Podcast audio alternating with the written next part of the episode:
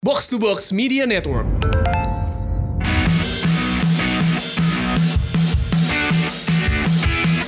Ini adalah segmen terbaru dari Box to Box podcast Suara Fans. Kenapa kita eh, memutuskan untuk ini? Gua Pangeran dan Justin ingin karena sering banget yang mention kayak "Nggak, minta dong, ayo dong, ajak gue, ajak gue. Nah ini eh, saatnya kalian untuk memberikan semua eh, komentar atau mungkin eh, teori gembel kalian lah, Anabel analisis gembel kalian lah ya, yang ugal-ugalan itu langsung kepada kita dan langsung menjadi pandit ugal-ugalan khas box to box ya kan. Apa isinya kerja celah-celah Justin doang? Ya ketulak lu semuanya. Jadi eh, siapa sih di episode pertama ini? Nah, dengerin yuk, ada dua nih dari fans box to box yang sudah mengirimkan. Silakan mendengarkan.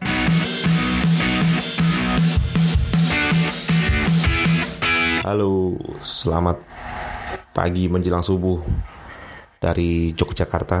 Eh, nama saya Heri Kurniawan.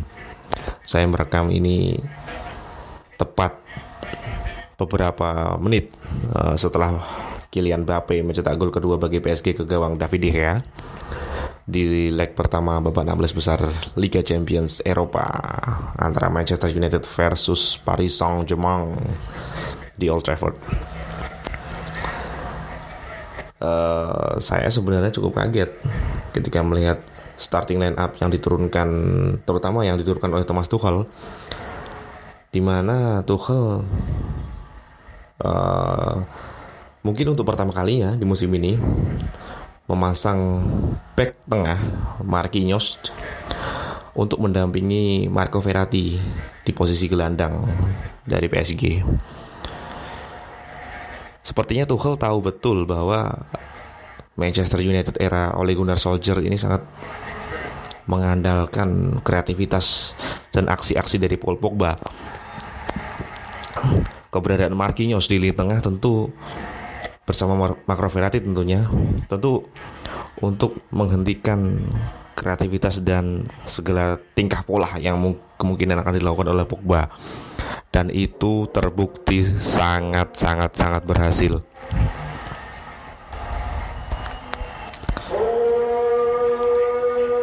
Eh, Pogba benar-benar tidak bisa berbuat apa-apa. Serangan United buntu dan melalui skema dengan sudut serta serangan balik cepat, PSG bisa mencuri dua gol yang sangat-sangat berharga bagi mereka. Eh, melihat bagaimana Manchester United bermain pada pertandingan kali ini, saya dan tentu kita semua mungkin yang mengikuti box to box tentu mengingat bagaimana congkaknya eh, pandit andalan kita Pangeran Siaan di episode podcast terakhir bahwa mereka eh, Pange bilang bahwa Manchester United pada bulan ini akan eh, mengeluarkan tiga tim sekaligus dari kompetisi. Yang pertama yaitu PSG di ajang Liga Champions, Chelsea di ajang FA Cup, dan terakhir adalah Liverpool dari perbulan gel- gelar Premier League di musim ini.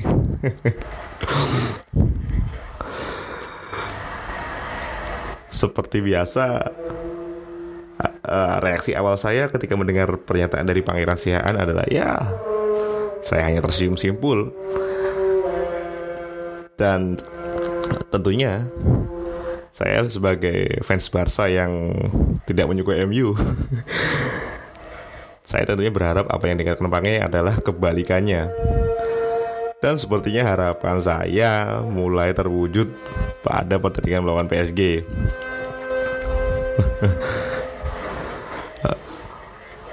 Pandit andalan kita, Go Justin pernah bilang, bahkan berulang kali beliau bilang bahwa Manchester United eh, akan segera terpleset cepat atau lambat. Beliau, sel- beliau sel- selalu bilang seperti itu. Dan hal itu mulai terjadi di laga melawan PSG. Mungkin setelah ini setelah merasakan kekalahan perdana dari setelah 12 pertandingan mungkin nih mungkin ya mental para pemain MU mulai drop dan mereka justru nanti mungkin akan tersingkir dari Piala FA dan bisa saja di akhir musim mereka keluar dari lima besar dan gagal lolos ke Liga Champions pada musim depan. Mari kita amini. Oke, itu saja dari saya.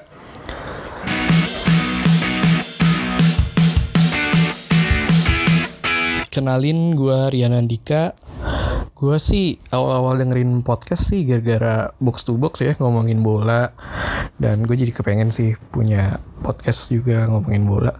Dan pas tahu bisa ikutan kontribusi Katanya bisa jadi pandit ugal-ugalan Terus bisa ditayangin juga di box to box. Gue pengen nyoba sih ya kali aja bisa kan masuk ke podcast bola nomor satu di Indonesia atau enggak. Ya kali aja bisa diundang uh, bicara langsung atau ngobrol-ngobrol langsung. Nah di sini gue pengen coba bahas pemain Inggris favorit gue atau bisa dibilang pemain terbaik Inggris yang pernah main di Prancis di Liga Prancis di Ligue 1 dan paling kontroversial sepanjang karirnya menurut gue. Orang-orang pasti bilang main Inggris pernah main di Perancis. David Beckham. Oh jelas bukan. Tapi siapa lagi kalau bukan Joseph Anthony Barton atau bisa dibilang siapa anak kerapnya Joey Barton. Ya pasti udah pada denger lah anak orang pemain ancur ini. Cuman buat gue dia pemain spesial sih dia pemain favorit gue sih salah satu pemain favorit gue karena ajaibnya dia ya gue sih awalnya nggak tahu sih siapa dia cuman diawali gue tahu dia tuh pas dia ngasih lihat pantatnya ke waktu lawan Everton zaman dia main main di City. Jadi waktu dia masih wonder kid tuh mainnya dia ngasih lihat pantatnya gitu kan ke City waktu City masih belum Arab uang Arab.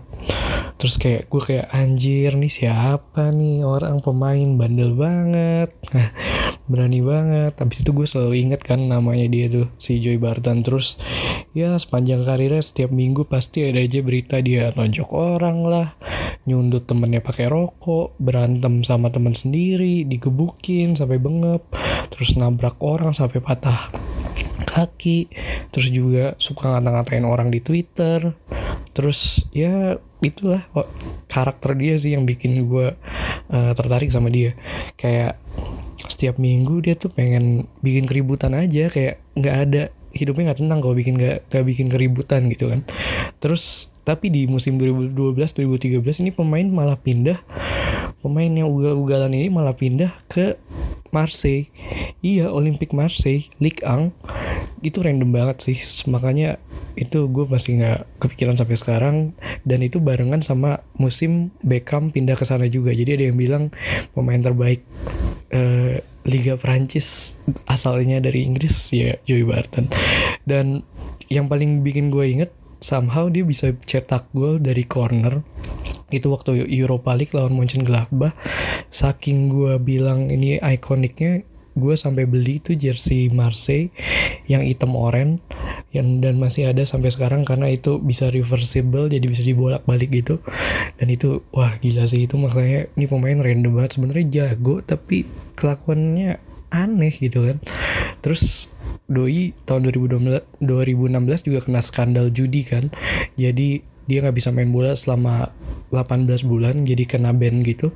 Terus karena dia diduga terlibat dari 1200an lebih taruhan atas nama doi.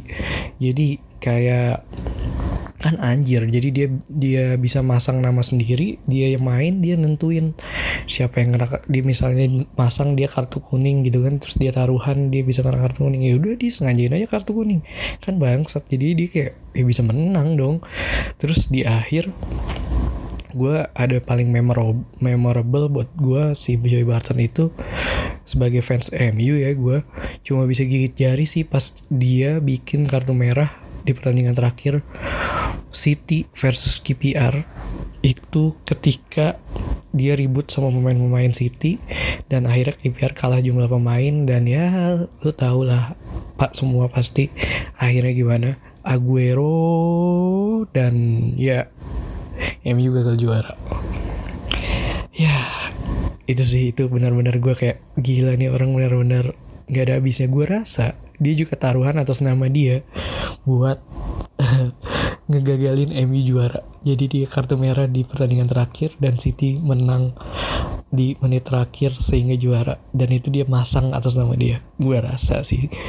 Ya itu aja sih dari gue gue juga gue juga bikin podcast juga. Ada di Hyperbola Podcast ngomongin bola juga. Cuman ya nggak se bagus seteknis box to box juga di Sumbu Pendek Podcast.